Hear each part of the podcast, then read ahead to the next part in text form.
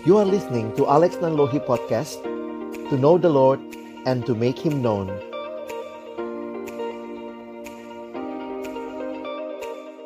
Terima kasih Bapak Ibu Saudara yang dikasihi Tuhan. Mari kita kembali berdoa mohon pimpinan Tuhan untuk sesi ini. Ke dalam tangan pengasihanmu kami berserah. Kami percaya bahwa Engkau Allah yang berfirman dan firman-Mu itu firman yang hidup dan mengubahkan kami. Kami percaya Tuhan firman-Mu firman yang tidak berubah, tetapi sanggup mengubah hidup kami. Itulah yang kami rindukan kembali menjadi bagian dari semua kami yang belajar siang hari ini. Di dalam nama Tuhan Yesus Kristus, Sang Firman yang hidup, kami menyerahkan pelatihan pada siang hari ini. Amin. Shalom Bapak Ibu Saudara yang dikasihi Tuhan. Terima kasih buat kesempatan boleh berbagi Dan saya bersyukur karena ada sekelompok anak Tuhan Tentunya gereja Tuhan yang benar-benar serius dengan kitab suci. Dalam beberapa kesempatan saya melayani saya pikir salah satu yang cukup menyedihkan melihat relasi orang Kristen dengan Alkitabnya. Sehingga kalau kita perhatikan, katanya ini memang adalah buku, Alkitab adalah salah satu atau buku nomor satu yang paling banyak dibaca. Ya, kita bersyukur melihat itu, tetapi realitanya di gereja bagaimana? Karena iman Kristen kita dibangun berdasarkan apa kata Alkitab. Dari mana saya tahu Yesus mengasihi saya? The Bible tells me so. Ada di dalam Alkitab. Tetapi ketika melihat orang Kristen dengan Alkitabnya sering kali ini cukup sedih juga. Dalam satu kunjungan ke sekolah Kristen, ada anak-anak SMA, waktu itu saya memimpin ibadah. Lalu saya pernah tanya gini Bapak Ibu ya. Saya tanya, siapa yang dari kecil Kristen? Angkat tangan. Wah, banyak sekali itu yang tangan yang terangkat. Nah, nanya juga sekolah Kristen. Jadi kira-kira 85% itu katanya sudah Kristen dari kecil. Terus saya bilang, coba angkat tangannya yang tinggi ya. Oke, udah angkat tangan yang dari kecil Kristen. Nah, saya tanya lagi. Siapa yang sudah pernah baca Alkitab sekali habis dari depan sampai belakang, kejadian, wahyu semua sudah dibaca. Siapa? Wah, Bapak Ibu cukup sedih ya. Tangan banyak yang turun. Saya bilang pelan-pelan aja turunnya biar nggak malu ya. Lalu tersisalah kurang lebih ada tiga anak ya. Bersyukur sih masih ada ya. Tetapi ini yang jadi bagian yang saya coba renungkan bahwa kita dengan Alkitab kita ini seberapa serius sih? Seringkali di beberapa gereja bahkan yang masuk di dalam prosesi ibadah itu Alkitab duluan begitu ya.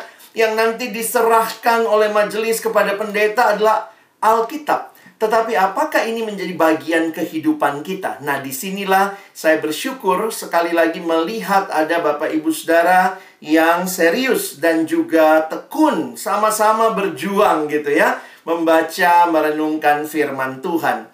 Jadi pelatihan kita sore atau siang hari ini ini terkait dengan bagaimana bisa membaca secara sederhana tetapi juga bermakna. Nah, inilah yang saya ingin kita sama-sama perhatikan. Saya ingin menegaskan beberapa hal tentang kitab suci dalam satu bagian yang disampaikan oleh Bapak John Stott, seorang pendeta di dalam bukunya The Bible Book for Today, dia berkata begini. Jika Alkitab adalah penyataan Tuhan tentang dirinya, pribadinya, perjanjiannya, perintahnya, maka jelaslah bahwa melalaikan Alkitab berarti mengabaikan Tuhan. Wow, ya. Hanya jikalau pikiran kita menyelam dalam firman-Nya, kita dapat mengenalnya dan pikiran kita dapat dibentuk sesuai dengan pikirannya. Jadi ini yang perlu kita pahami bahwa Alkitab adalah penyataan diri Allah, Alkitab benar adanya dan karena itu punya manfaat. Nah, kita sudah nyanyikan tadi ya, bersyukur untuk lagu tema yang indah. Maka Perhatikan 2 Timotius 3, 15, 17 Saya nggak janjian dan panitia juga nggak ngasih tahu sama saya ya Ayat kuncinya dari 2 Timotius Tetapi kalimat ini bagi saya menarik. Segala tulisan yang diilhamkan Allah, perhatikan ada empat manfaatnya. Bermanfaat untuk mengajar, untuk menyatakan kesalahan, untuk memperbaiki kelakuan, dan untuk mendidik orang dalam kebenaran. Dengan demikian tiap-tiap manusia kepunyaan Allah, ini kalau mau ditambah yang kelima, diperlengkapi untuk setiap perbuatan baik. Bapak Ibu Saudara yang dikasih Tuhan, perhatikan. Alkitab bukan hanya menambah informasi, tetapi tujuannya adalah supaya hidup yang berjumpa dengan Tuhan melalui firman mengalami transformasi. The Bible was not given only for our information, but for our transformation. Mengajar, menyatakan kesalahan, memperbaiki kelakuan, dan untuk mendidik orang dalam kebenaran. Nah, tetapi, nah ini kita perlu pahami ya, bagaimana dong cara membacanya? Wah, saya dengar kalau Bapak Ibu mungkin sejaman dengan uh, masa-masa saya kecil begitu ya. Dulu ada bercandaan begini, ada iklan karena iklannya itu iklan sabun cuci Rinso mencuci sendiri. Wah, lalu kemudian ada suami istri katanya pasangan suami istri beli Rinso pertama kali.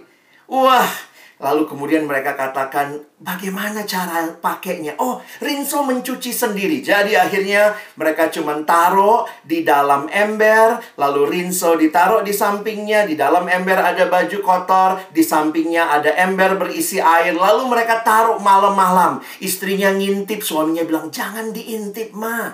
Nanti Rinso malu. Wah, lalu kemudian akhirnya mereka tidur dan besok harinya mereka cek Wah, bagaimana ini Rinso yang mencuci sendiri? Eh, ternyata besoknya tidak terjadi apa-apa, ya. Bapak Ibu, Rinso mencuci sendiri bukan berarti tidak dibuka dari bungkusnya, tidak dikeluarkan, tidak ada air, tidak ada uh, harus direndam terlebih dahulu. Jadi, banyak kali orang juga bukannya bukannya nggak dapat apa-apa dari Alkitab, tetapi salah pakai. Kira-kira gitu ya. Ketika Alkitab tidak dipakai dengan benar, maka itu yang terjadi. Seorang adik remaja dulu pernah bilang sama saya, Kak Alex, saya sudah nggak takut tidur sendiri. Loh, kenapa saya tanya gitu ya? Oh, sekarang saya taruh Alkitab di samping saya. Kalau saya tidur di samping bantal ada Alkitab. Begitukah cara pakainya Alkitab? Saya tanya sama dia, buat apa? Uh, kalau ada setan kan saya, wah, saya taruh Alkitab, wah.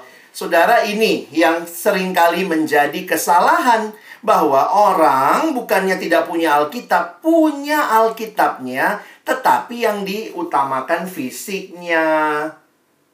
Seolah-olah tidur sama Alkitab, bukan begitu. Kalau meninggal, Alkitab dimasukkan ke peti peti gitu ya kadang-kadang bingung juga gitu siapa yang baca gitu ya cacing tanah ya nah Bapak Ibu Saudara sekalian karena itulah penting bukan hanya punya Alkitab tapi bisa bacanya dengan baik karena itulah pelatihan seperti ini dibutuhkan untuk apa? Untuk kita bisa memahami yang kita baca. Karena lihat loh, luar biasa tujuan Alkitab mengajar, menyatakan kesalahan, memperbaiki kelakuan, dan mendidik orang dalam kebenaran. Nah, mari nikmati keindahan ini. Nah, sekarang kita masuk. Gimana kalau gitu, Pak? Cara secara sederhana. Nah, kita perlu memahami beberapa hal penting. Saya menuliskan begini ya. Jadi hari ini kita mau bicara tentang Alkitab dan penafsiran atau Bapak Ibu mungkin pakai istilah penggalian muncul pertanyaan, kenapa sih Alkitab harus ditafsir? Ya udahlah dibaca aja begitu ya. Nah, saya mau menunjukkan kepada kita, kenapa kita harus menggali? Kenapa nggak cukup membaca? Kita perlu menggalinya. Ya, Bapak Ibu Saudara sekalian yang sudah ikut pelatihan atau sudah ikut baca bersama setahun ini, Mungkin memang baca itu sudah terjadi, tetapi kita juga mau menggali lebih dalam biar kita bisa lebih ngerti juga. Ya. Nah, kita mesti memahami dua dunia. Wah, ada dunia Alkitab, ada dunia kita. Emangnya kenapa Pak Pendeta? Ya karena dunia Alkitab dan dunia kita itu punya jarak yang perlu kita pahami bersama bagaimana masuk ke dalam pemahaman dunia Alkitab. Coba kita lihat ya. Pertama-tama kan kita ketemu yang namanya teks Alkitab. Kitab Roma, kita ketemu ada Injil, ada Mazmur, itu namanya teks. Tapi saya mau ingatkan buat kita. Teks itu ditulis oleh seorang penulis. Penulis menuliskan teks untuk siapa? Ingat Bapak Ibu, bukan untuk kita langsung buat kita sekarang. Enggak. Pertama-tama setiap teks itu ditulis untuk pembaca pertamanya.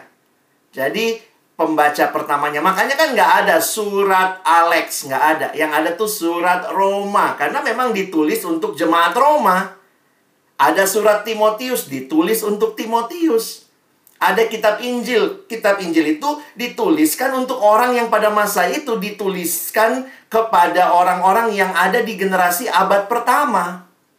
Jadi, dunianya Alkitab ini nih.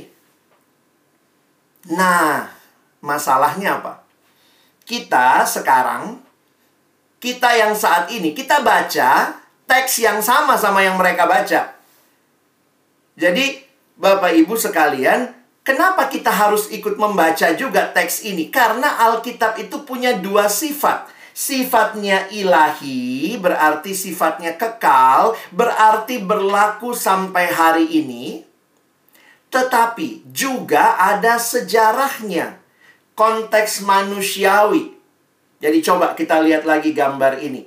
Betul, kitab Roma ditulis pertama kali untuk jemaat Roma. Tetapi kitab Roma yang sama itu Bapak Ibu dan saya baca juga sekarang. Nah, jadi kenapa kita baca kitab Roma? Karena itu firman Allah. Tetapi firman Allah ini pun diberikan di dalam sebuah konteks yang namanya konteks jemaat Roma. Nah, jadi untuk kita memahami antara dua hal ini, kadang-kadang ada orang bilang nggak boleh tafsir-tafsir Alkitab. Sebenarnya justru karena perbedaan ini harus ditafsir. Jangan sampai kita salah ngerti. Apakah yang diterima oleh orang Roma pada waktu itu kita pahami, baru kita mengerti untuk kita. Jadi, selalu mesti ingat ya, setiap kitab itu awalnya ada pembaca pertamanya. Makanya harus ditafsir untuk mengerti apa yang dipahami oleh pembaca pertamanya. Jadi jangan buru-buru langsung kepada kita. Nah, di sinilah Bapak Ibu, jangan takut menafsir. Ada yang bilang nggak boleh ditafsir. Bukan, harus ditafsir. Kalau kita takut salah menafsir, maka bukannya nggak menafsir. Tetapi belajarlah menafsir dengan benar. Jangan takut menafsirkan Alkitab. Memang harus ditafsir. Kalau takut salah menafsir, kuncinya bukan nggak nafsir, tapi belajar menafsir dengan benar. Nah, karena itu, penafsiran Alkitab sendiri atau istilah kita penggalian Alkitab itu punya langkah. Ada stepnya, ya. Langkah ini harus terjadi secara wajar, secara natural, ya saya memberikan tiga langkah. Langkah-langkah penggalian ya. Nanti Bapak Ibu kalau ketemu teksnya apa saja, lakukan tiga langkah ini. Pertama, kita sebut dengan pengamatan. Observasi, ya, observation. Jadi, di dalam pengamatan apa kata Alkitab? What does the Bible say? Jadi, Langkah pertama, penggaliannya adalah lakukan observasi. Oke? Sesudah kita observasi, kita melakukan yang namanya interpretasi atau penafsiran. Oke? Kalau sudah masuk interpretasi, yang kita pertanyakan kalau tadi what does the Bible say? Sekarang, what does the Bible mean? Apa artinya ayat ini pertama kali untuk orang-orang pada masa itu? Roma, Efesus, Kolose, apa sih artinya buat mereka? Jadi pertama, lihat dulu apa yang ditulis. Itu observasi. Yang kedua, kita mulai interpretasi. Kenapa ya ditulisnya seperti ini? Emangnya lagi kenapa? Paulus lagi di mana? Dia tulis kepada jemaat yang lagi gimana kondisinya. Jadi itu pertanyaan-pertanyaan yang membuat kita memikirkan konteks. Oke? Sesudah itu barulah kita ambil yang namanya penerapan aplikasi. What does the Bible mean to me? Jadi kalau yang kedua, what does the Bible mean to the first reader? Kepada orang yang membaca pertama kali. Apa sih artinya? Tetapi kita perlu menarik juga apa artinya buat kita saat ini. Menggali Alkitab harusnya sampai langkah ketiga. Karena kalau tidak, kita cuma pintar teori. Wih, hebat banget. Paulus, jemaat Roma, orang Korintus, hebat. Kita tahu semua latar belakang sejarah. Tapi aplikasinya apa? Apa yang diajar dari firman hari ini? Jadi setiap kali lihat ingat uh, lagu tema kita ya. Setelah kita gali, nah kita penggalian Alkitab selalu harus berakhir kepada empat hal tadi. Saya diajar apa lewat firman hari ini? Yang kedua, Firman Tuhan bermanfaat untuk mengajar. Yang kedua, menyatakan kesalahan. Apa ya yang harus saya ubah? Yang ketiga, memperbaiki kelakuan. Lalu saya harus punya kelakuan yang seperti apa? Yang keempat, mendidik orang dalam kebenaran. Jadi kita memik kita bukan hanya tahu gali gali gali gali banyak orang tuh jadi farisi nanti ya taunya banyak tahu latar belakang, tahu konteks, tapi bagaimana penerapannya dalam hidup. Makanya di dalam kita belajar firman Tuhan, menggalinya, kita perlu melalui proses ini. Observasi, interpretasi, dan aplikasi. Ini biasa disebut, kalau bahasa teknisnya, ini namanya PA induktif. Udahlah, kalau susah hafalnya, bilang aja langkah penggalian. Tiga O I A. Biar gampang. Bagaimana menggali Alkitab? Oh iya. Ayo semua. Satu dua ya. Oh iya. Bisa ya? O observasi. I interpretasi. A aplikasi. Oke? Jadi saya berharap Bapak Ibu sekalian bisa benar-benar menikmati firman Tuhan karena kita membacanya, kita mengerti konteksnya, dan firman teraplikasi dalam hidup kita.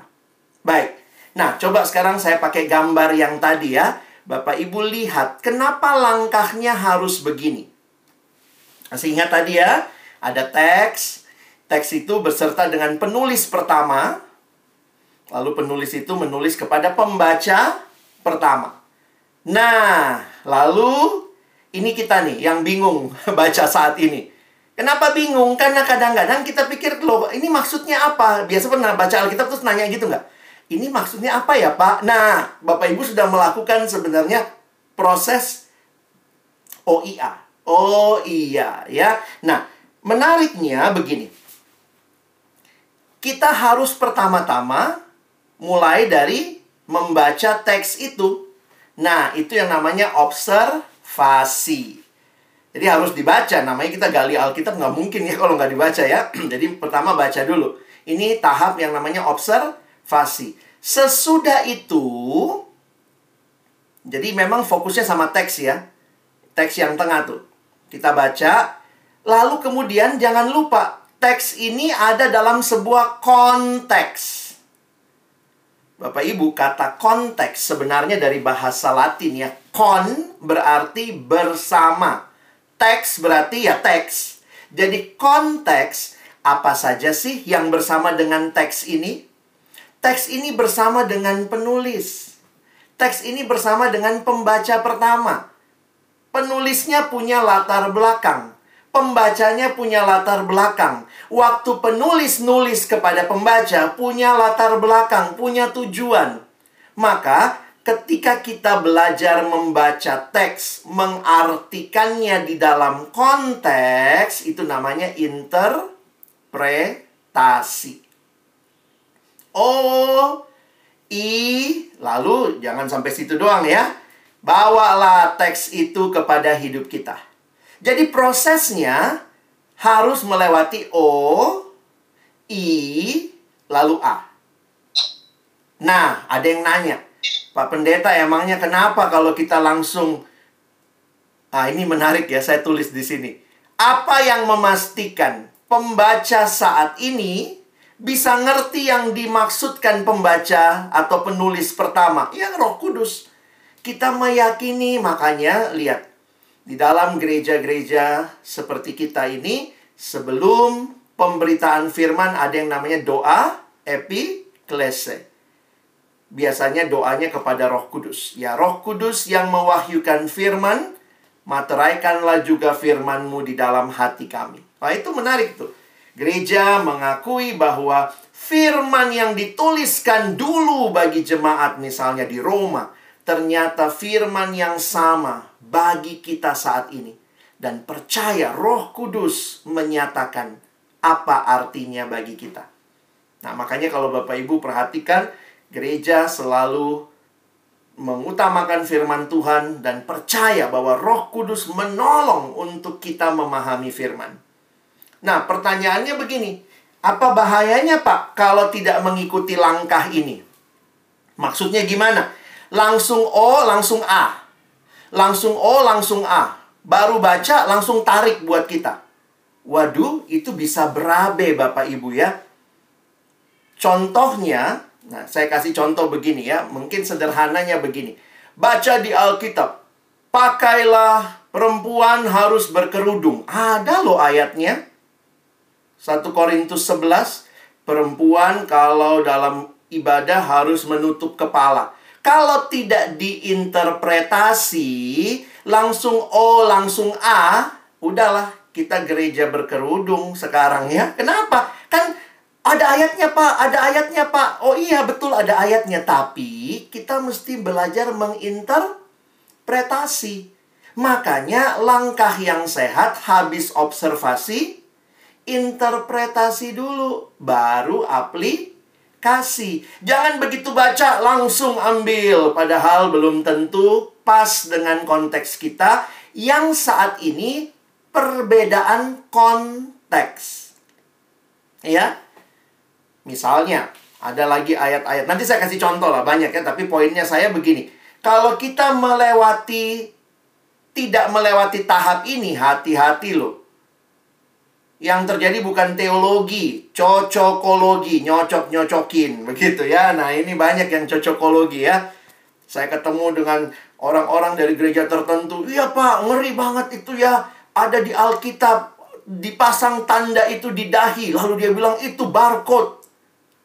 Lalu dia sebar-sebar juga di grup WA gereja gitu ya. Kenapa? Dia baca ada tanda di dahi, langsung dia tarik ke, ke sekarang. Wah, ini adalah barcode. Nah, ini jadi aneh ya. Bukan teologi, tapi cocokologi jadinya. Baik, Bapak Ibu sampai sini bisa paham? Saya harap kita mengerti prinsipnya kenapa kita harus melakukannya secara berurutan. Oke? Nah, sekarang saya kasih contoh. Kita mulai dari langkah pertama ya Langkah pertama apa tadi? Observasi. Mari baca teks. Itulah observasi. Jadi, persiapan menggali Alkitab ya baca dulu. Nah, waktu baca, Pak, saya sudah baca. Iya, tapi bacanya bagaimana? Ya.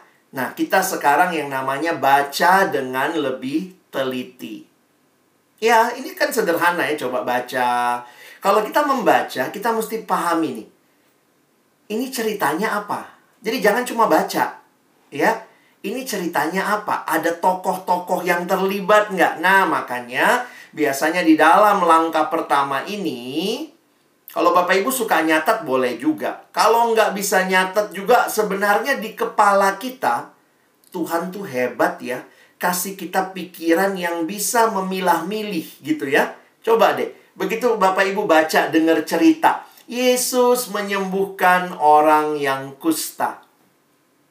Terus kalau ditanya nih, ini kayak pertanyaan sekolah minggu. Ada siapa aja sih di dalam cerita itu? Langsung kita bilang, ada Yesus, ada si kusta.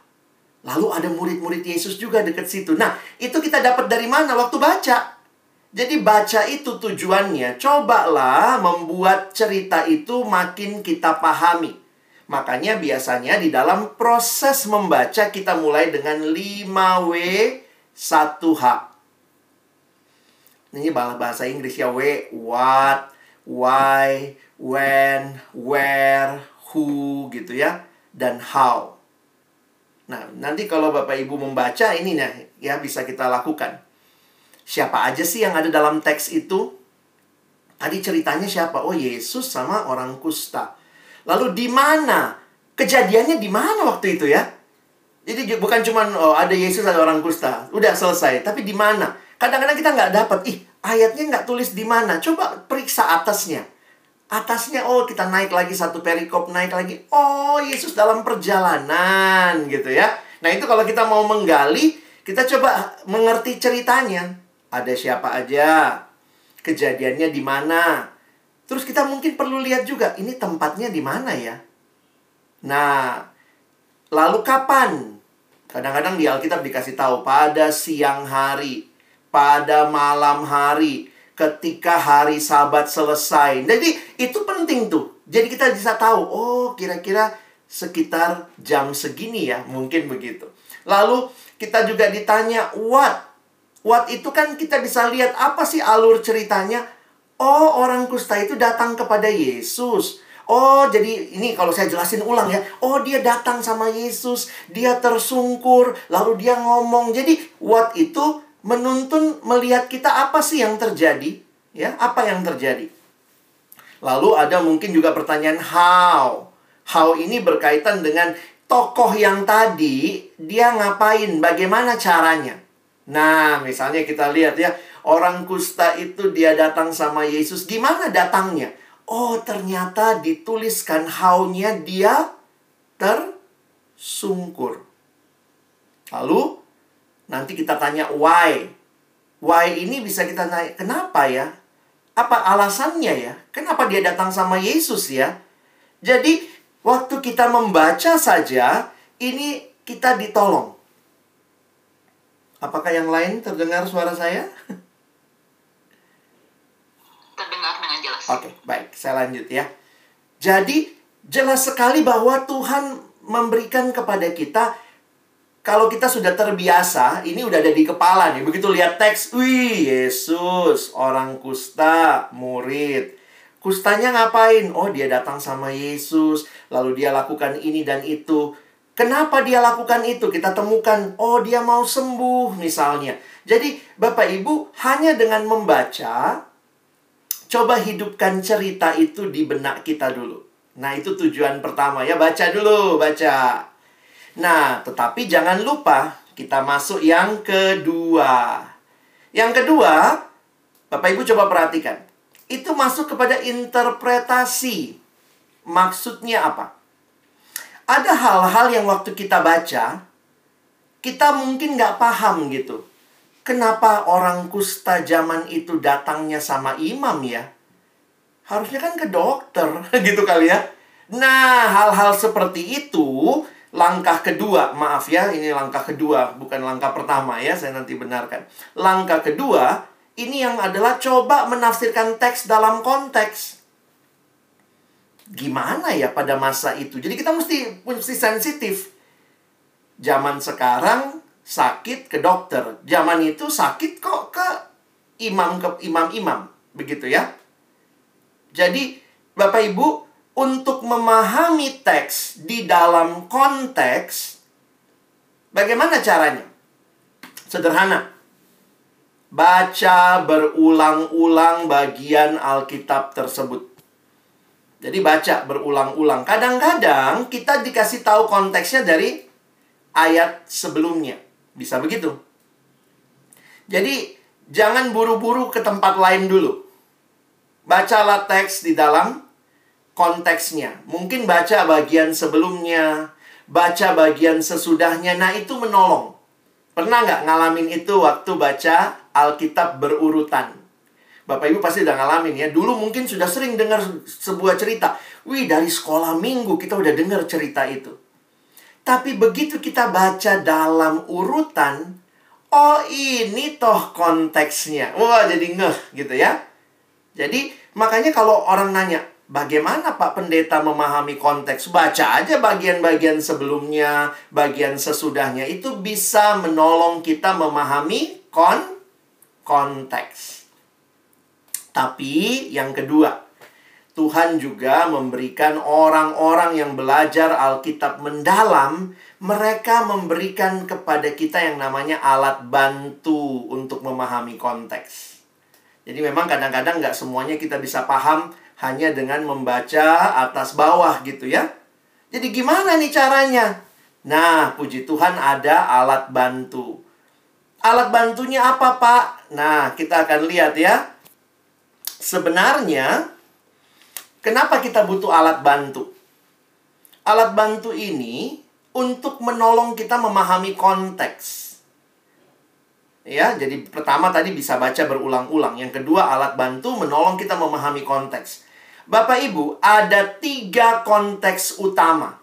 Saya kasih gambaran besar saja ya. Ada tiga konteks utama. Waktu Bapak Ibu baca, itu biasanya muncul di benak kita. Pertama, konteks sastra. Kenapa konteks sastra? Karena Alkitab kita diberikan dalam bentuk tulisan. Alkitab kita nggak nggak turun dari surga dalam bentuk MP3, dalam bentuk video. Nggak, Alkitab kita modelnya ditulis gitu ya. Maka selalu ada yang namanya konteks sastra. Kedua, ada yang namanya konteks sejarah historical context, latar belakang pada masa itu. Dan yang ketiga, ada konteks teologi. Saya sering kali menggunakan ini dalam memahami konteks namanya segitiga penafsiran. Kita perlu pahami konteks teologianya, konteks sastranya, konteks sejarahnya. Nah, Bapak Ibu, buat kita orang awam, Kadang-kadang kita nggak menggali semuanya. Siapa yang Tuhan berikan karunia menggali itu? Inilah orang-orang yang Tuhan berikan menjadi scholar dalam bidang teologi. Nah, mereka membuat yang namanya alat-alat bantu. Nah, ini beberapa alat bantu yang saudara perlu miliki atau mungkin uh, cari ya sebenarnya sederhana ya. Teks Alkitab lebih dari satu terjemahan. Bahasa Indonesia aja sekarang sudah banyak macam ya. Ada yang kita pakai, yang sehari-hari kita pakai itu namanya TB. Terjemahan baru 1974. Ada lagi Alkitab yang namanya BIMK. Bahasa Indonesia Masa Kini. Ada lagi TSI. Terjemahan Sederhana Indonesia. Ada lagi AMD Alkitab mudah dibaca. Silakan bisa karena ini menolong kita membandingkan ya. Kalau bisa berbahasa Inggris, silahkan akses Alkitab-Alkitab yang berbahasa Inggris. Yang kedua, kita butuh apa untuk memahami konteks? Kadang-kadang disebut nama kota.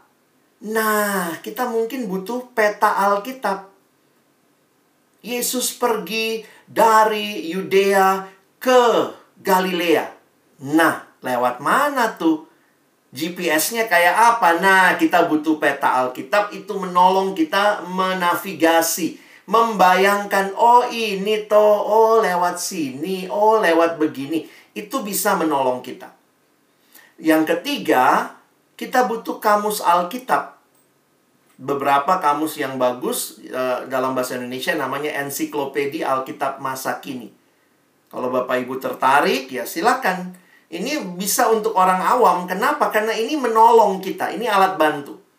Yang keempat, konkordansi Alkitab. Ini juga bisa kalau Bapak Ibu tertarik gitu ya untuk menggali bisa miliki Atau sekarang sebenarnya dengan Google, wah itu banyak sekali semua ini sudah ada di internet. Terakhir tafsiran Alkitab. Jadi tafsiran-tafsiran yang baik itu bisa menolong kita juga, membantu kita memahami konteks. Tapi ingat ya, saya nggak mau kita jadi merasa, waduh pak, saya harus punya itu semua, padahal saya udah tua nih pak, gimana pak? Bapak Ibu, ingat yang tadi ya. Apa yang pertama? Baca berulang-ulang bagian Alkitab juga ngerti konteks kok. Memang ada beberapa yang perlu dibantu untuk kita memahami. Tetapi mostly sebagian besar ada di Alkitab. Nah, kenapa saya minta Bapak Ibu bawa Alkitab cetak? Saya harap diingatkan ya. Karena kalau Bapak Ibu punya Alkitab cetak seperti ini, lihat. Di bagian belakang bahkan ada petanya. Betul kan? Ada petanya di belakang. Jadi Bapak Ibu bisa bisa menggali, kenapa ada petanya kok? Bisa lihat di sini gitu. Dan Alkitab Bapak Ibu juga bahkan ada kamusnya. Siapa yang pernah buka kamus Alkitab? Ya. Jadi Bapak Ibu bisa lihat, ini bukan sesuatu yang sulit. Kenapa sudah ada di Alkitab kita? Jadi saya harus ingatkan buat kita semua, kalau Bapak Ibu bilang, Pak, saya nggak belajar teologi ya, saya nggak punya kamus. Jangan bilang nggak punya, Bapak Ibu ya. Cari dulu di Alkitab cetak ada di belakang ya. Nah, paling tidak dua hal kita punya di Alkitab ini. Kamus, peta. Wah, itu udah luar biasa. Bisa nolong kita ya. Nah, jadi saya harap kita tidak merasa, wah kayaknya susah, itu punyanya orang-orang teologi saja. Tidak. Ya. Kita bisa memakai yang ada. Kalau Bapak Ibu masih bisa akses internet, silahkan ke sabda.org. Beberapa juga Bapak Ibu sudah kenal ya, Bible Project. Bible Project kita nonton dalam bentuk video. Opa Oma bisa dengar audio Bible. Wah, itu juga menolong ya. Coba dengar terjemahan, mungkin bisanya bahasa apa? Saya lebih nyaman bahasa Jawa, Pak. Mungkin bisa cari juga ada semua audio Bible bahasa Jawa juga tersedia. Saya lebih ngerti bahasa Belanda. Oh, silakan. Ada juga audio Bible juga banyak versi bisa menolong kita untuk mem membandingkan. Oh, ini toh maksudnya. Nah, itu yang harus kita coba pahami, ya. Nah, baik, Bapak Ibu, yang berikutnya. Kita masuk ke konteks ya. Saya kasih contoh cepat saja. Kenapa konteks-konteks ini sering kali perlu kita alat bantu. Kenapa kita perlu terjemahan lain sering kali? Kenapa kita butuh hal-hal kamus? Nah, gara-garanya apa? Ya karena kita bukan orang Yahudi. Kita tuh nggak tinggal di Palestina. Kita tinggalnya di Depok. Jadi kalau dibilang Tanah Abang ya kita ngerti. Tapi kalau dibilangnya Yeriko, di mana itu? Yeriko deket Margonda? Enggak gitu ya. Nah, itu yang membutuhkan kita coba punya peta.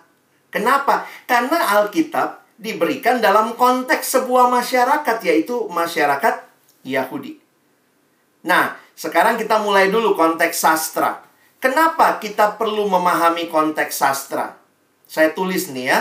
Kita perlu memahami karena Alkitab kita bentuknya teks. Makanya coba pahami kita butuh mungkin terjemahan Alkitab yang bisa menolong kita memahami teks. Bapak Ibu nggak gampang loh nerjemahin Alkitab. Jadi karena itu ada yang bilang, kenapa terjemahan Alkitab Indonesia kok aja banyak macam? Karena semua terjemahan punya tujuan tertentu. Ada terjemahan yang menerjemahkan plek-plek bahasa aslinya, arti aslinya. Tetapi ada yang memikirkan gini, ini kalau diterjemahkan arti aslinya, bingung kita. Kenapa? Karena belum tentu kita punya konteksnya. Contoh, coba Bapak Ibu yang mengerti bahasa Inggris, gimana nerjemahin masuk angin? Coba terjemahkan ke dalam bahasa Inggris. Tadi malam, saya masuk angin. Lalu saya minta dikerok. Habis dikerok, saya sembuh. Gimana bahasa Inggrisnya? Last night, The wind, the wind. The wind came into me. and then I ask someone to scratch my body. Kalaupun kalimat itu bisa diterjemahkan ke orang Inggris misalnya ya. Wah, tadi malam saya enter wind loh, the wind enter me. Orang Inggris nggak punya konteks masuk angin. Nangkep Bapak Ibu ya. Jadi, hanya dengan menerjemahkan belum tentu orang yang baca ngerti artinya. Makanya ada terjemahan Alkitab yang mempertahankan kalimat aslinya. Dia bilangnya masuk angin mesti ditulis masuk angin. Tapi ada yang bilang, lu bilang masuk angin, orang sana nggak ngerti. Makanya saya terjemahkan supaya artinya bisa dipahami. Oh begitu. Jadi masuk angin orang bule. Oh ya udahlah. Last night I was sick. Udah mungkin lebih gampang buat dia ngerti gitu ya. Saya nggak enak badan. Masa my body is not delicious kan nggak gitu gitu ya. Nah, ini yang membuat kita jangan takut kok Alkitab Indonesia, Alkitab kita kayaknya palsu tuh banyak banget terja terjemahannya. Enggak. Kalau Bapak Ibu mengerti terjemahan, sebenarnya semua terjemahan punya tujuan tertentu. Alkitab standar kita ini yang namanya terjemahan standar. Tapi kita mungkin bisa lihat ya yang Alkitab bahasa Indonesia masa kini, dan seterusnya. Yang kedua, perhatikan jandra. Jandra ini begini ya. Bapak Ibu di Alkitab kita luar biasa loh Tuhan, nggak cuma satu model. Bayangkan kalau Alkitab kita dari depan sampai belakang isinya perintah. Jangan, jangan, jangan, jangan, jangan. Capek bacanya. Bapak Ibu udah baca ya setahun ya? Coba, ada apa aja? Ada perintah, ya ada. Ada cerita. Ada Injil ada perumpamaan, ada wahyu. Nah, Bapak Ibu itu namanya jandra. Jenis-jenisnya beda. Alkitab kita nggak satu jenis. Ada puisi, ada kidung agung. Jadi, menariknya begini. Kalau kita baca, misalnya, di matamu satu hari sama dengan seribu tahun. Kadang-kadang orang baca itu, dia bacanya di mana? Dia bacanya itu, nah saya kasih contoh aja ya. Nah, ini Mazmur. Sebab di matamu seribu tahun sama seperti hari kemarin. Eh, ada orang yang agak, agak gimana ya? Ahli-ahli cocokologi. Dia kalkulasi. Seribu tahun sama seperti hari kemarin. Satu hari sama dengan seribu hari. Kalau gitu dikali. Tuhan ciptakan enam hari dikali enam, enam ribu. Maka Tuhan akan segera datang. Matematika Alkitab Yesus akan segera datang. Ini orang yang nggak ngerti. Mazmur ini tidak sedang menuliskan perhitungan matematika. Karena bentuknya adalah pu puisi. Jadi kalau puisi, perlakukan sebagai puisi. Bukan hitungan matematika gitu ya. Lalu nanti ini ada lagi nih Bapak Ibu ya. Sorry, ini sebenarnya materinya cukup panjang tapi saya coba simpel aja. Ingat, Alkitab kita tuh ada ayat, ada pasal yang kadang-kadang kita harus bacanya lengkap, jangan comot-comot. Orang-orang yang suka kirim video-video aneh gitu, kadang-kadang hamba Tuhan ngomong apa tuh dicomot satu ayat. Coba lihat ya, ini kalau comot ayat. Bapak Ibu coba lihat uh, 1 Korintus 15 ayat 9. Saya bacain ya. Jikalau kita hanya dalam hidup ini saja menaruh pengharapan pada Kristus, maka kita adalah orang-orang yang paling malang dari segala manusia. Ya ampun. Kalau kita percaya pengharapan pada Kristus, kita orang yang paling malang. Loh, kok ada ayat kayak begini? Nah, itulah kalau kita main comot, kita lupa konteksnya. Perhatikan, ayat 19 berada di antara ayat 18 dan 20. Coba kita lihat ya. Saya mau kita lihat dari 16-nya. Sebab jika benar orang mati tidak dibangkitkan, maka Kristus juga tidak dibangkitkan. Dan jika Kristus tidak dibangkitkan, maka sia-sialah kepercayaan kamu, dan kamu masih hidup dalam dosamu. Demikianlah binasa juga orang-orang yang mati dalam Kristus. Itu konteksnya. Perhatikan 19.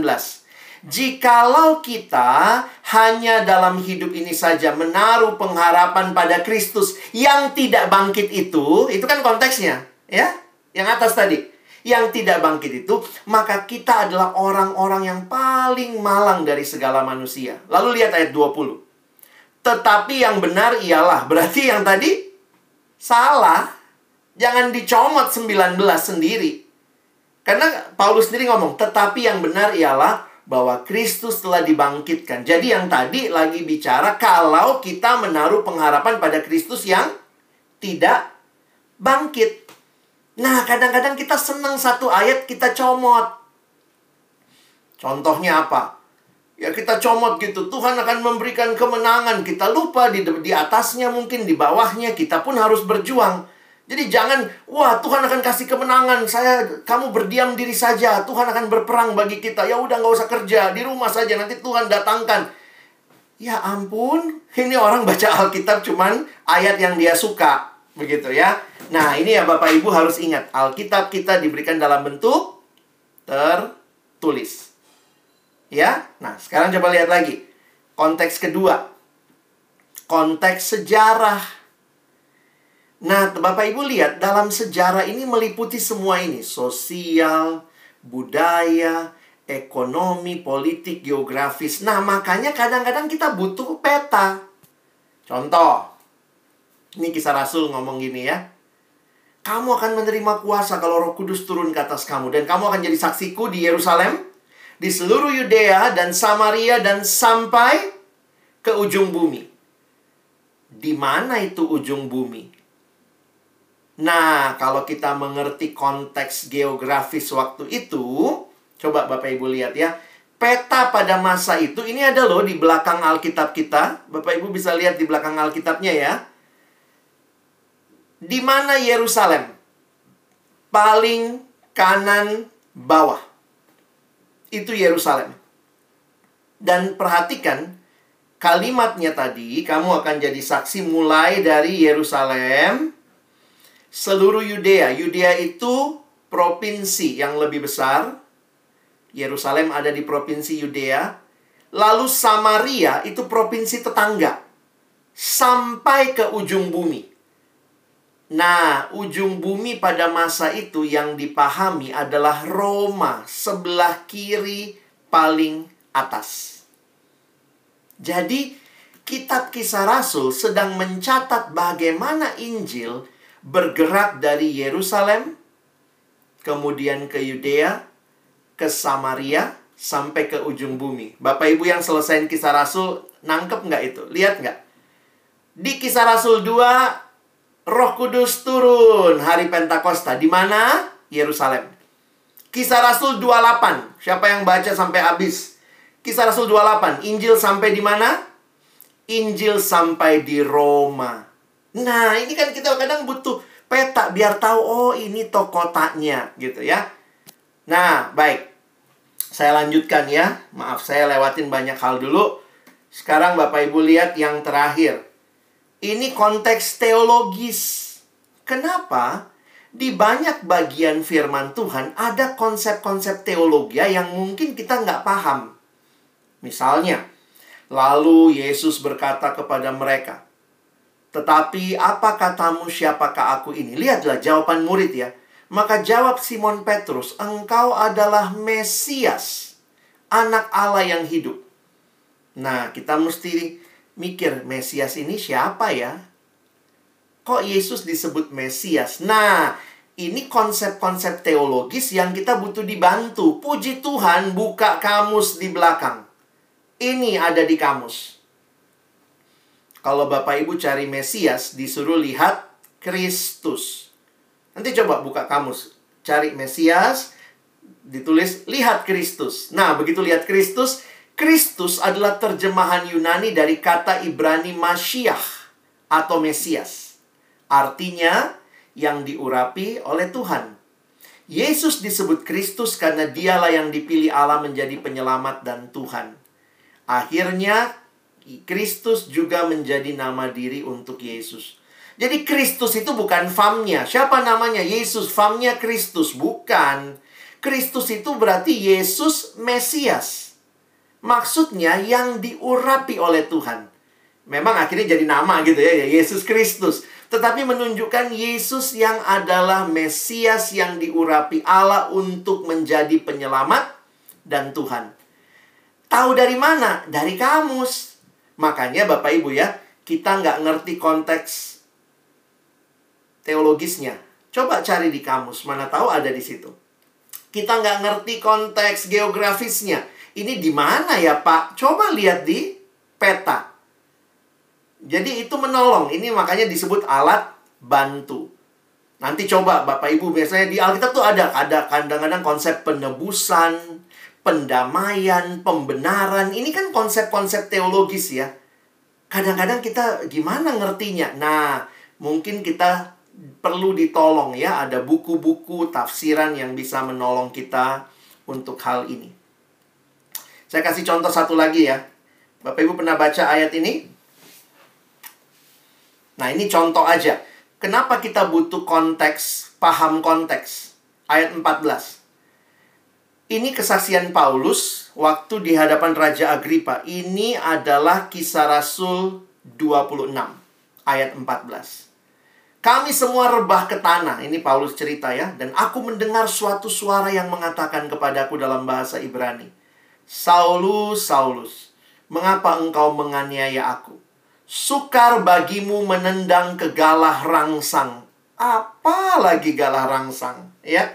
Nah, Bapak Ibu kalau baca seperti ini, ya memang kalau kita baca 2-3 pasal ya kita lewatin lah ya.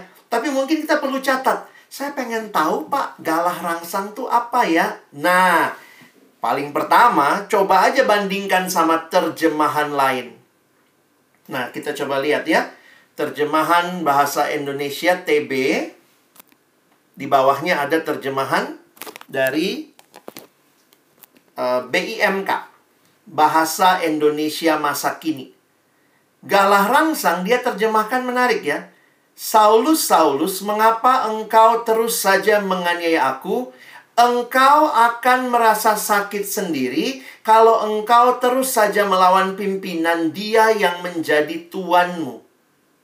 Oh, gala rangsang itu ada hubungannya sama menyakiti diri sendiri ya.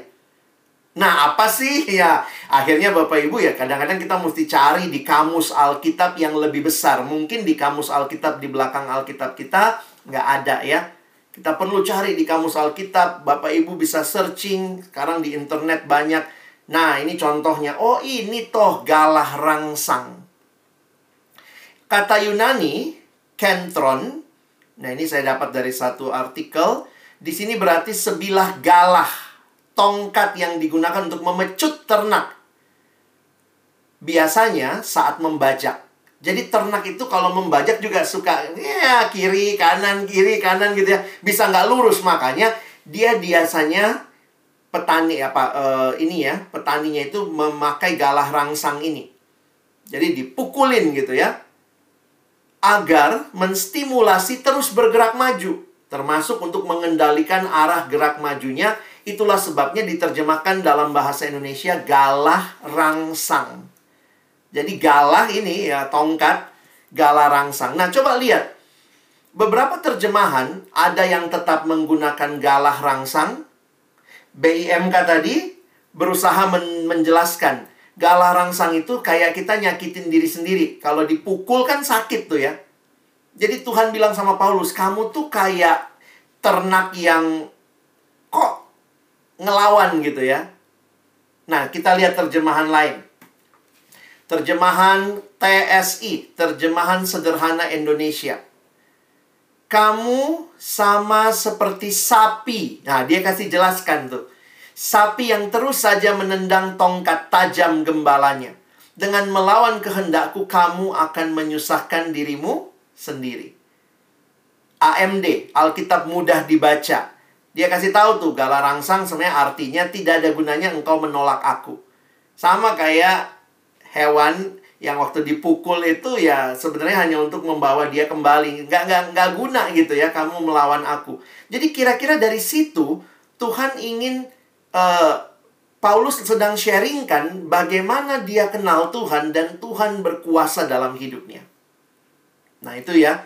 Bapak Ibu bisa memahami kenapa kita butuh terjemahan lain, kita butuh cari ini apa sih dalam konteks mereka. Oh, galarangsang dipakai di dalam petani atau peternak menggembalakan supaya tidak uh, melenceng dan seterusnya. Nah, jadi ini kalau kita sudah gali nih ya, sudah observasi, interpretasi, langkah berikutnya aplikasi. Jangan lupa ya, bawalah ke dalam hidup kita. Maaf, saya masih belum tulis langkah ketiga. Aplikasi, menerapkan dalam situasi masa kini. Teman-teman lihat tadi, Bapak Ibu Saudara sekalian, perbedaannya ada pada konteks.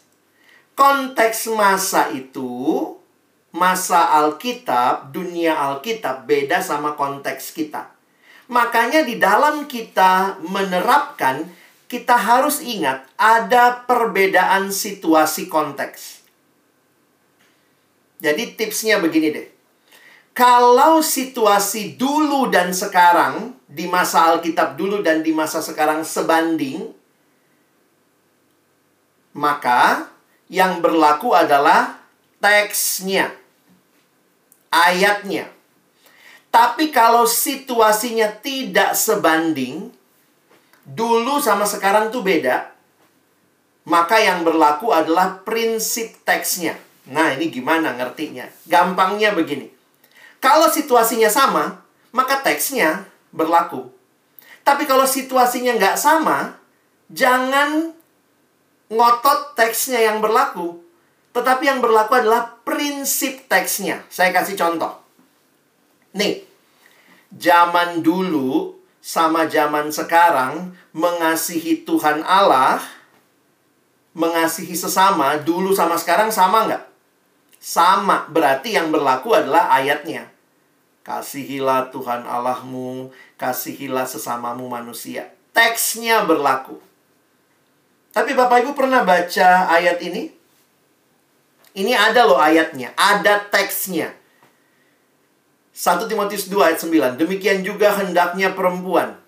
Hendaklah ia berdandan dengan pantas, dengan sopan dan sederhana.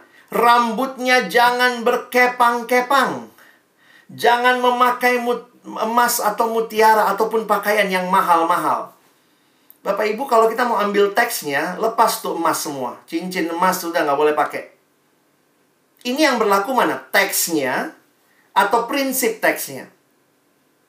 Nah, kita kaitkan, oh iya Pak, ini prinsip teksnya ya.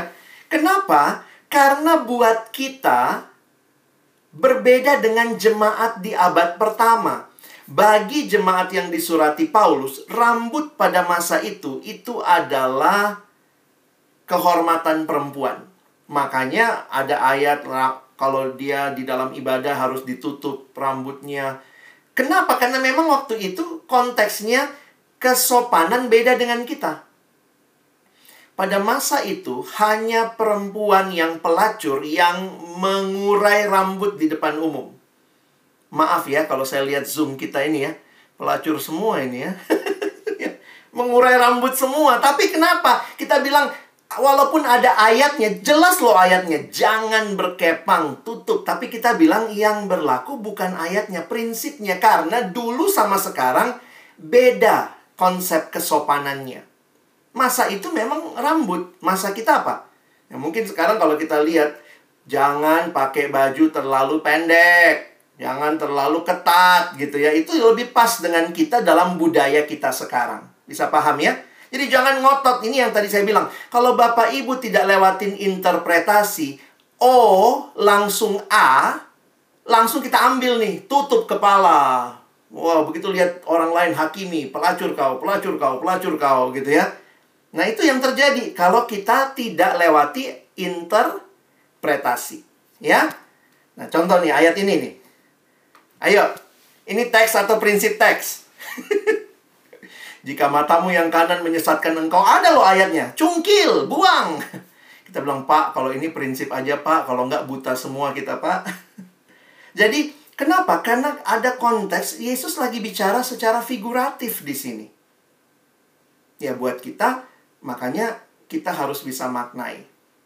Nah, jadi Bapak Ibu, ini kira-kira prinsip dasarnya Bapak Ibu bisa pahami bahwa ketika kita membaca Alkitab, kita butuh memahami konteks. Dan karena itulah, nah begini, nanti kalau kita latihan, coba Bapak Ibu perhatikan. observasi, ngerti ceritanya. Oh, ini ceritanya kayak gini ya. Tapi mungkin ada hal-hal yang kita tanyakan. Kenapa begini ya? Konteksnya apa pada masa itu? Nah, di situlah terjadi kita mulai memaknai karena terjadi interpretasi. Dan akhirnya, kalau kita bisa ngerti ceritanya, kita bawa dalam hidup kita. Oh, ternyata melalui perikop ini, Tuhan berbicara baik kepada penerima surat pertama, tetapi juga berbicara kepada saya untuk saya berubah. Mungkin mengajar dalam hal apa, menyatakan kesalahan dalam poin apa, memperbaiki kelakuan dan mendidik orang dalam kebenaran, sehingga manfaat Alkitab itu kita nikmati dengan penuh. Oke, saya pikir itu dulu yang saya bagikan. Silahkan kalau Bapak Ibu saya kembalikan kepada uh, moderator jika ada kesempatan tanya jawab. Terima kasih, Tuhan berkati. Iya, terima kasih Bang Alex. Ah, aku jadi Bang Alex. Gak apa-apa. itu konteks, Bu. Itu konteks. Boleh ya Bang atau Bang Alex? Ya, gitu silakan. Uh, untuk apa yang sudah di-sharingkan, saya jadi teringat dua hal. Jadi waktu kecil, uh, persekutuan Taruna Horeb GPIB Horeb gitu ya, Ya. ada ada ada ada baca Alkitab gitu. Nah, kebetulan itu sama seperti yang tadi satu tes satu Timotius 2 ayat 9. Oh. Rambut saya panjang, jadi dikepang.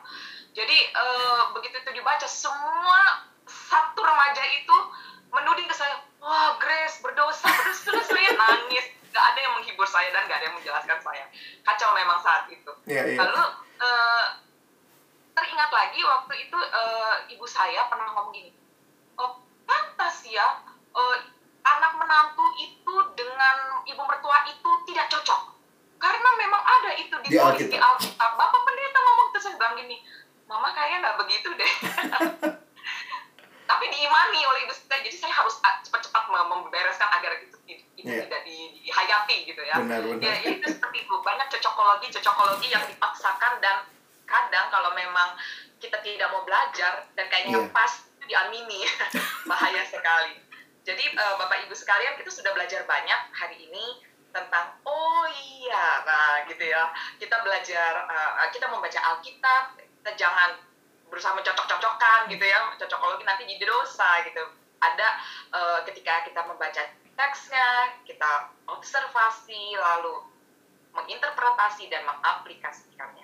Eh, saya lihat di chat belum ada yang bertanya. Kalau begitu boleh yang mau bertanya langsung raise hand atau langsung saja eh, bertanya. Oh Bu Asia, silakan Bu Asia. Silakan. saya teringat ini baru baru baru ini ada di apa di YouTube Iya, bahwa Bu. tidak boleh memakan daging kurban. Terus saya diskusi dengan adik saya, loh, iya memang ada yang begitu. Tapi kalau saya pikir nggak salah kita makan itu, asal jangan kita anggap itu daging kurban. Saya bilang kita anggap aja itu memang makanan. Saya bilang Mm. justru sebetulnya saya bilang Tuhan kita dengan Tuhan mereka itu sebetulnya sama. Cuman pemahaman mereka tentang Tuhan berbeda dengan kita. Itulah tugas kita, saya bilang. Jadi kalau kita tolak kurbannya berarti kita bermusuhi dia. Kalau kita terima itu bukan berarti kita makan kita nganggap Tuhan mereka tidak sama. Aku nganggap Tuhan kita itu sama. Cuman mereka tidak mengerti apa yang sebenarnya apa yang sebenarnya itu. Jadi pemahaman karena kita hidup dalam dunia yang satu. Siapa mencipta bumi mereka? Siapa mencipta bumi kita? Kan mencipta bumi yang bumi kita kan kita hidup sama-sama. Saya bilang. Hmm. Saya pernah berantem dengan suami karena itu. Saya beritahu ke cucu pertanyaan itu, kamu kata dia. Saya harus membuat dia nor- netral. Saya bilang jangan terlalu fanatik, nggak jelas. Saya bilang. Jadi saya ingin dijelaskan deh Pak. Baik. Kalau ada. Eh, Ibu pakai prinsip sebenarnya yang ada di 1 Korintus 10. Ada ayat mengatakan ini memang kaitannya sama daging persembahan berhala yang dijual di pasar di kota Korintus pada waktu itu. Paulus bilang begini, Segala sesuatu diperbolehkan benar, tetapi bukan segala sesuatu berguna. Segala sesuatu diperbolehkan benar, tetapi bukan segala sesuatu membangun. Jangan seorang pun yang mencari keuntungannya sendiri, tetapi hendaklah tiap-tiap orang mencari keuntungan orang lain. Ayat 25. kamu boleh makan segala sesuatu yang dijual di pasar daging tanpa mengadakan pemeriksaan karena keberatan-keberatan hati nurani. Karena bumi serta segala isinya adalah milik Tuhan. Lalu kemudian dia jelaskan gitu ya soal keberatan hati nurani ini. Jadi memang secara prinsip umum buat kita yang percaya ya kita menerimanya ya, ya seperti ibu bilang tadi sebagai makanan. Nah, tapi mungkin di sisi yang lain ada beberapa orang yang mengatakan begini, kalau gara-gara kamu makan, lalu dia akhirnya merasa kamu sama dengan dia, nah itu ada yang mencoba menjaga hal seperti itu, khususnya dalam hal persembahan berhala. Nah, memang konteksnya kalau kaitan dengan kita dan saudara-saudara kita yang melakukan kurban, kita kan melihatnya masih dalam konteks saudara yang yang apalah ya, yang yang dari satu rumpun begitu. Jadi, kalau saya pribadi juga tidak masalah dengan makan hal tersebut. Kita terima dalam ucapan syukur. Nah, tapi mungkin yang saya perlu luruskan sedikit, Bu ketika ditanyakan apakah Tuhan kita sama, saya harus jawabnya dua. Ya, tapi juga tidak. Tidak. Bahwa betul, kalau bicara Tuhan satu, mereka percaya juga. Tetapi Tuhan yang satu itu menyatakan dirinya di dalam Yesus. Dan itu yang mereka tidak tahu. Nah itu yang Ibu bilang tadi, tugas kita lah membagikan kebenaran itu supaya mereka boleh mengenal Tuhan yang benar di dalam Yesus Kristus. Tapi thank you Bu, itu itu biasanya gara-gara ayat kita jadi berantem juga begitu ya. Ini belum lagi nih kalau yang Batak-Batak antara boleh makan darah sama nggak boleh makan darah. Pusing saya jawabnya ya. Karena yang satu bilang ada teksnya nggak boleh makan darah, ada nyawa. Tapi ada juga teks bilang segala sesuatu boleh kok. Jadi hati-hati kita jangan juga jadinya memberantamkan hal-hal yang sebenarnya kalau kita lihat lebih luas apa tujuannya? Kita mau cuma mau ngomong, saya lebih rohani dari kamu, kamu rohaninya lebih rendah. Begitukah? Kalau itu yang terjadi, bahwa kita telah memakai ayat-ayat itu untuk menghakimi dan merendahkan orang. Masing-masing akan tanggung jawab sama Tuhan sih ya. Ya, kira-kira begitu, Bu. Thank you. Terima kasih, Bu Asia. Silakan Bapak Ibu yang lain kalau mau bertanya atau mau sharing. Tidak ada? Oke, mungkin uh, kita lanjutkan saja. Saya serahkan ke MC ya, agar uh, acara kita tetap berjalan. Baik. Bapak Ibu sekalian, saya coba share screen sebentar. Saya kasih contoh sederhana saja karena memang namanya kita ber-PA atau menggali kebenaran firman Tuhan itu seperti ngupas bawang Bapak Ibu ya. Coba kalau kita ngupas bawang makin dikupas ada lagi, ada lagi gitu ya. Jadi karena itu betapa indahnya dan luar biasanya firman Tuhan, harusnya itu yang kita nikmati juga. Nah, kita akan latihan apa yang akan kita lakukan di dalam latihan? Saya serahkan Bapak Ibu dalam kelompok nanti bisa coba sama-sama melihat ya apa yang Tuhan nyatakan dalam kisah tersebut. Saya ambil contoh misalnya ya, ini ada ya kita udah tahu tadi ya, tiga langkah observasi, interpretasi, aplikasi. Kadang-kadang kalau sudah dalam keseharian ini udah mengalir di pikiran kita ya, selalu mulai observasi dulu, interpretasi dan aplikasi. Tadi saya banyak cerita tentang orang kusta. Nah, ada satu cerita di Alkitab di Markus 1 ayat 40 sampai 45. Perhatikan. Seorang yang sakit kusta datang kepada Yesus dan sambil berlutut di hadapannya, ia memohon bantuannya. Katanya, "Kalau engkau mau, engkau dapat mentahirkan aku." Maka tergeraklah hati Yesus oleh belas kasihan. Maaf ya, ayat 41 nanti di screen muncul lagi. Maka tergeraklah hati Yesus oleh belas kasihan Lalu ia mengulurkan tangannya dan menjama orang itu dan berkata kepadanya, Aku mau, jadilah engkau tahir. Seketika itu juga lenyaplah penyakit kusta orang itu dan ia menjadi tahir. Segera ia menyuruh orang itu pergi dengan peringatan keras.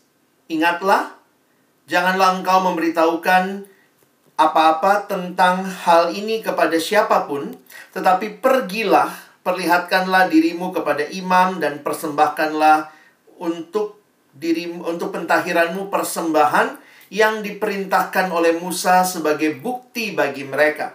Tetapi orang itu pergi memberitakan peristiwa itu dan menyebarkannya ke mana-mana sehingga Yesus tidak dapat lagi terang-terangan masuk ke dalam kota. Ia tinggal di luar di tempat-tempat yang sepi, namun orang terus juga datang kepadanya dari segala penjuru. Bapak Ibu kalau ayatnya cukup panjang seperti ini atau sebuah cerita dengan banyak aspek, memang menarik kita bisa menggali banyak hal. Tetapi mungkin kita perlu juga fokus kepada apa bagian yang kita mau lihat dan kita tarik dalam aplikasi perikop ini. Kalau Bapak Ibu perhatikan beberapa konteks nanti, jadi kalau kita ber-PA itu coba kita setelah baca, kita mulai coba daftarkan hal-hal apa ya yang perlu kita pahami dalam konteks. Misalnya, Bapak Ibu lihat ya, orang kusta pada masa itu kayak apa sih? Kira-kira gitu kan? Nah, mungkin kita bisa lihat di beberapa bagian Alkitab yang lain. Tapi, kalaupun kita belum dapat penjelasannya, Bapak Ibu bisa menuliskan orang kusta pada masa itu seperti apa. Lalu perhatikan sikap dia waktu datang sama Yesus. Ini kan haunya ya. Berlutut. Nah, coba bayangkan tuh. Kalau dia sampai berlutut seperti itu, kira-kira gimana sikap hatinya ya? Berarti dia sebuah tindakan penyerahan berlutut di hadapannya memohon bantuannya. Nah, ini kan ada kutipan langsung. Waktu kita membaca pertama kali, coba bayangkan. Kira-kira kalau dia berlutut, dia ngomongnya gini. Kalau engkau mau, engkau dapat mentahirkan aku. Pasti nggak gitu ya? Kita membayangkan, dia datang, dia berlutut, mungkin dia akan berkata, kalau engkau mau, engkau dapat mentahirkan aku.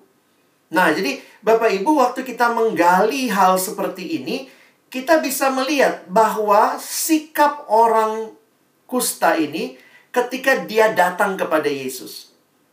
Jadi kalau kita ketemu cerita seperti ini, bisa kita soroti dari berbagai sisi. Barusan saya tolong Bapak Ibu lihat dari sisi orang kusta. Mungkin nggak kita lihat dari sisi lain? Siapa lagi tokoh yang muncul? bisa kita lihat dari sisi Yesusnya. Ya.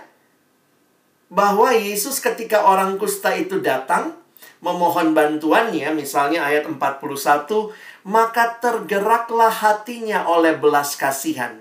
Lalu ia mengulurkan tangannya. Dan seterusnya. Nah, ini yang saya coba ingatkan bagi Bapak Ibu nanti dalam kelompok kalau ketemu beberapa tokoh silahkan aja mungkin ada yang mau lihat iya ya dari Yesus ini ini loh yang saya bisa pelajari. Tapi juga Bapak Ibu bisa lihat wah dari orang kusta wow ini yang bisa saya pelajari. Jadi secara kaya kita akhirnya bisa melihat perikop itu bermakna dan kita bisa belajar dari baik Yesus maupun juga dari orang kusta itu nah ini kalau Bapak Ibu ketemu perikop yang mempunyai cerita atau yang disebut sebagai narasi. Jadi kita bisa coba mengartikannya, membayangkannya, menaruh konteksnya waktu itu kusta seperti apa. Kenapa waktu kusta itu sembuh? Perhatikan ya, tadi Yesus bilang apa? Pergi kepada imam. Nah, ini kan berarti ada konteks. Waktu itu memang ternyata penyakit kusta dianggap penyakit yang najis secara kerohanian. Makanya pentahirannya itu harus dibuktikan oleh imam. Nah, jadi itu cara Bapak Ibu untuk bisa melihat teks di dalam konteks lalu apa yang bisa saya pelajari dari hal ini. Oke? Baik. Nah, kita akan latihan dan hari ini kita akan latihan dari bagian ayat Lukas 19 ayat 1 sampai ayat 10. Silakan nanti dalam kelompok kalau mungkin bisa ngeliat, wah ini saya kayaknya perlu ngerti konteks ini deh. Mana tahu coba kita saling berbagi. Mungkin ada yang pernah baca, pernah mengerti, coba buka peta, lihat di mana kotanya dan seterusnya. Nah, silakan Bapak Ibu bisa latihan dari bagian ini. Jangan lupa pikirkan aplikasinya. Ya, aplikasinya belajar dari mana? Dari siapa yang muncul tokoh di dalam bagian ini. Oke, itu saja petunjuk dari saya. Selebihnya nanti Bapak Ibu bersama dengan pemimpin kelompok. Saya kembalikan kepada Ibu moderator. Dan susah-susah tidak susah ya sebenarnya karena masih tema Zakheus dan ada alat bantu ya, ada ada kamus, ada tafsiran gitu ya. Boleh-boleh juga sambil dilihat. Dan menarik di kelompok saya sendiri juga semua semangat. Saya percaya yang lain juga kelompoknya pada semangat. Mestinya pada kurang waktu. Tapi nggak usah khawatir Bapak Ibu sekalian. Ada tugas, ada PR. Dan dikumpulkannya satu minggu. ini benar, ini benar. Satu minggu. Lalu apa namanya eh, bagi eh, yang beruntung akan dapat hadiah. Jadi dianggap semua semua Pilih dong, ditampilin. apanya? Oke. Siapa? Ah, Hasil penggaliannya katanya di di di chat di chat. Oh, wah, dalam bentuk file dong ya? Pepet. Kan nggak harus. Banyak. Banyak. Oke. Oh, yang dari kelompok kami juga gitu ya? Bapak Ibu sekalian, kesempatan jadi PA ini atau penggalian Alkitab itu skill ya. Skill itu kuncinya cuma tiga. Kuncinya cuma tiga. Pertama latihan, kedua latihan, ketiga latihan ya. Jadi cuma satu dong berarti kuncinya. Nah, karena itu eh, bersyukur untuk kesempatan berlatih karena saya pikir makin sering kita latihan, makin terampil kayak naik sepeda lah. Kalau pernah bisa naik sepeda, kalau lama nggak digunakan, kagok awalnya, tapi ketika dibiasakan lagi, kemudian akan jadi eh, bisa kembali dan lebih baik dan lebih baik. Jadi saya bersyukur sekali lagi buat kesempatan ini dan saya harap Bapak Ibu nanti eh, bisa share gitu ya. Salah satu caranya mengecek apakah aplikasi atau penggalian kita tepat ya dengan komunitas ya. Jadi jangan sampai eh, kita jadi terlalu jauh melenceng. Nah, itu saya pikir Tuhan juga memberikan komunitas untuk kita sama-sama diskusi dan kita bisa memberikan beberapa eh, masukan dan aplikasinya yang jangan lupa. Penggalian itu enak sebenarnya ya. Kayak apa Sakeus ya? Kenapa dia ya? Siapa yang bantu dia naik pohon ya gitu ya? Kita bisa begitu ya. Tapi poin utamanya adalah ketika sudah melihat semua itu, Bapak Ibu, apakah kita memang juga minta Tuhan hati seperti hatinya yang terus mau mencari yang terhilang? Di sisi lain kita bisa lihat aspek Sakeus benar-benar eh, ya mari kita serius cari Tuhan begitu ya. Sakeus juga mungkin awal-awalnya nggak serius ya, cuman pengen lihat. Tapi ternyata di situlah indahnya. Sehingga ada yang mengatakan begini, kisah ini sebenarnya kisah siapa yang cari siapa. Sakeus merasa dia mencari Tuhan. Tetapi justru Tuhan menemukan Sakeus karena Tuhan yang sudah dari jauh-jauh hari mencari yang terhilang. Nah, kiranya hati kita seperti hati Tuhan, jangan seperti hati orang banyak gitu ya, yang begitu melihat orang yang bertobat malah bersungut-sungut. Nah, jadi kiranya kisah ini bisa menolong kita, mengajarkan kita, memperbaiki kelakuan kita. Kadang-kadang kita yang suka jadi Tuhan atas orang lain. Ah, nggak mungkin dia bertobat. Oh, bayangkan kalau dia tobat itu ya. Ah, nggak rela saya kalau dia bertobat. Kadang-kadang kita yang nggak rela orang bertobat ya. Apalagi kalau itu orang yang menyakiti kekristenan. Anggaplah si X gitu ya. Jangan sampai bertobat dia. Boleh bertobat, tapi gantung dulu di Monas gitu ya. Jadi kadang-kadang kita merasanya kita hatinya lebih mirip orang banyak daripada hati Yesus. Nah, kiranya gereja boleh terus Tuhan berikan hati seperti hatinya. Selamat latihan Bapak Ibu, ada PR dan nanti PR ini juga ada petunjuknya, ada hadiahnya ya. Silakan saya kembalikan kepada moderator, Bu.